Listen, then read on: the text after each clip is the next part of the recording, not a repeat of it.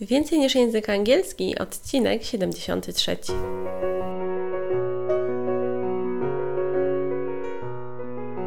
Witaj, nazywam się Ewa Ostarek i jestem trenerem języka angielskiego.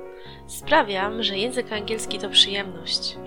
Słuchasz podcastu Więcej niż język angielski, który został stworzony dla kobiet takich jak ty, które chcą odkryć i pogłębić w sobie pasję do języka angielskiego. Witam Cię serdecznie. W dzisiejszym odcinku już wiesz o czym będzie, ponieważ wiesz to po tytule. Będziemy dzisiaj rozmawiać o kolejnym, znaczy w zasadzie ja będę opowiadać, a Ty będziesz słuchała o dalszych y, potyczkach gramatycznych dotyczących dalszego czasu gramatycznego. I ja akurat y, powiem Ci, że my już jesteśmy w no, ponad połowie tych wszystkich naszych podcastów gramatycznych. Zaczynaliśmy od czasu present simple, a jeszcze przed nami y, będą czasy przeszłe i potem jeszcze będzie troszeczkę takiej ciekawej wiedzy dotyczącej takiej gramatyki angielskiej. To nie jest tak, że każdy z tych czasów, które opowiadam, jest piękny i znaczy piękne może one są, ale że nie są aż tak wszystkie istotne, ponieważ do codziennej komunikacji na poziomie podstawowym potrzebujesz present simple, present continuous, past simple, future simple i wybranych aspektów czasów czasu present perfect. Ja tylko jeszcze dodam, że jeżeli e, słuchasz tego podcastu w dniu premiery, czyli 6 listopad 2019, to na moim kanale na YouTube pojawił się też film dotyczący podsumowania października. Będę też e, testowała taką formę, ponieważ może Cię interesuje to, co się dzieje. Są też e, kulisy pracy trenera języka angielskiego. To jest też na osobnej playliście dedykowanej. No i już zaraz Cię zapraszam do słuchania kolejnego odcinka. Ja tylko powiem, że dla mnie październik był takim miesiącem bardzo intensywnym, bo miałam współpracę z e, EduNation i dwa moje webinary e, były na Edu Oktoberfest. Miałam swój artykuł w Kredzie, miałam swój artykuł nowy w Życiu Szkoły, w Horyzontach Anglistyki, w The Teacher, w TIK, w Edukacji i naprawdę tego wszystkiego było bardzo dużo. Organizowałam też swój webinar były cztery razy English Day, cztery razy poranki z angielskim, no i po prostu dużo się rzeczy działo, także mam nadzieję, że listopad e, będzie pod tym względem równie dobry. No i zapraszam Cię już na potyczki gramatyczne. Witam Cię bardzo serdecznie. Ja nazywam się Ewa Ostarek i jestem trenerem języka angielskiego.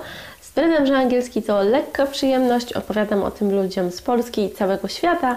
Na sesjach językowych online prowadzę warsztaty, webinary, szkolenia dla nauczycieli, piszę artykuły do pracy branżowej, scenariusze i kocham angielski. A Ty oglądasz i słuchasz materiału, który pomoże Ci zrozumieć, o co chodzi w czasie future perfect continuous w języku angielskim.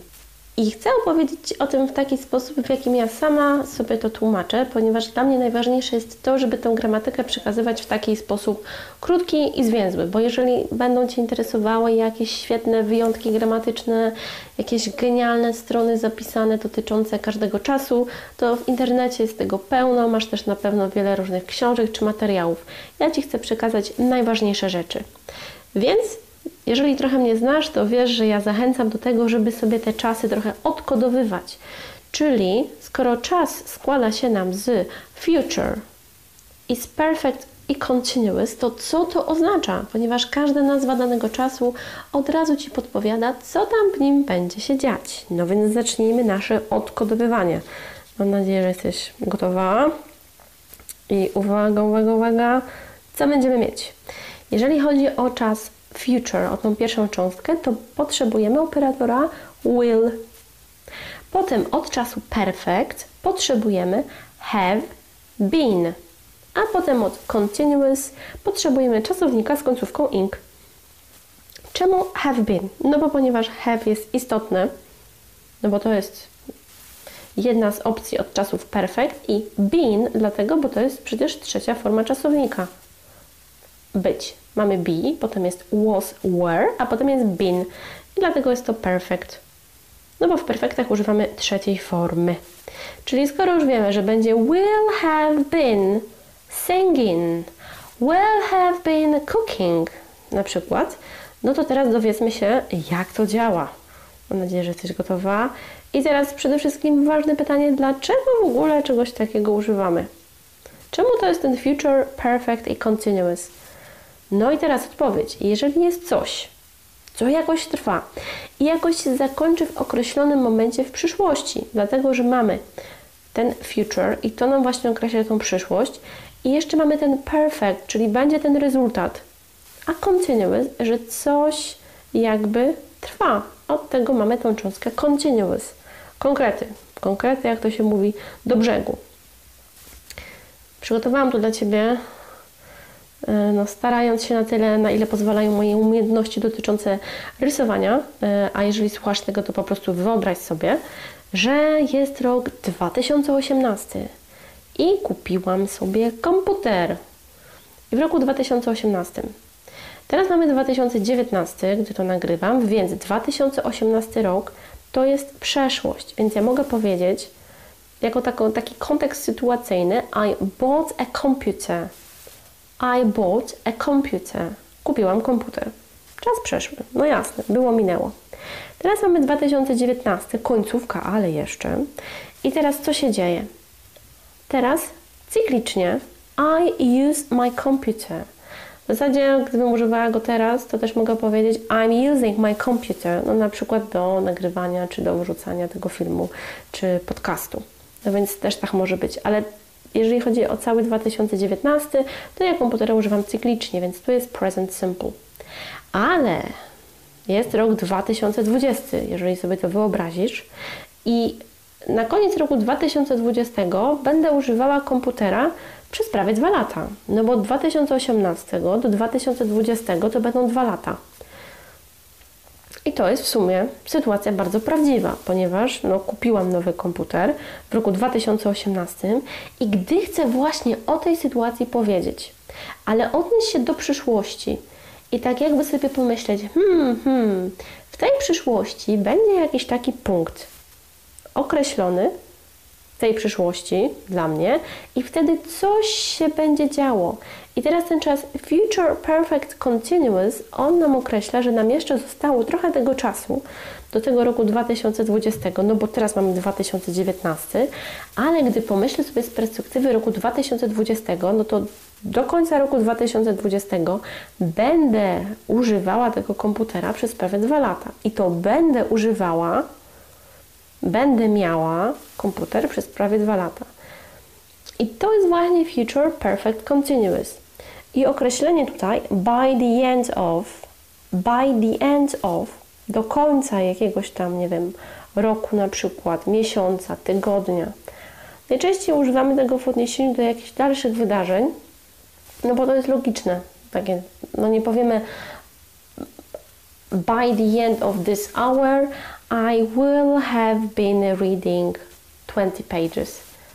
No, że będziemy mieli przeczytane 20 stron, jakby te strony będą przeczytane. No, teoretycznie można tak powiedzieć, to jest poprawne gramatycznie. Ja bym bardziej to uprościła i powiedziała I will read 20 pages. Przeczytam 20 stron. Ale jeżeli chcemy pomyśleć nad tym z takiego kontekstu, że do tej godziny będę miała 20 stron przeczytane, no to wtedy mamy future perfect continuous. Więc wszystko zależy od Ciebie. To są różnego rodzaju opcje. Więc wtedy mamy, wracając do naszego zdania z tym komputerem, że będę go miała przez prawie dwa lata.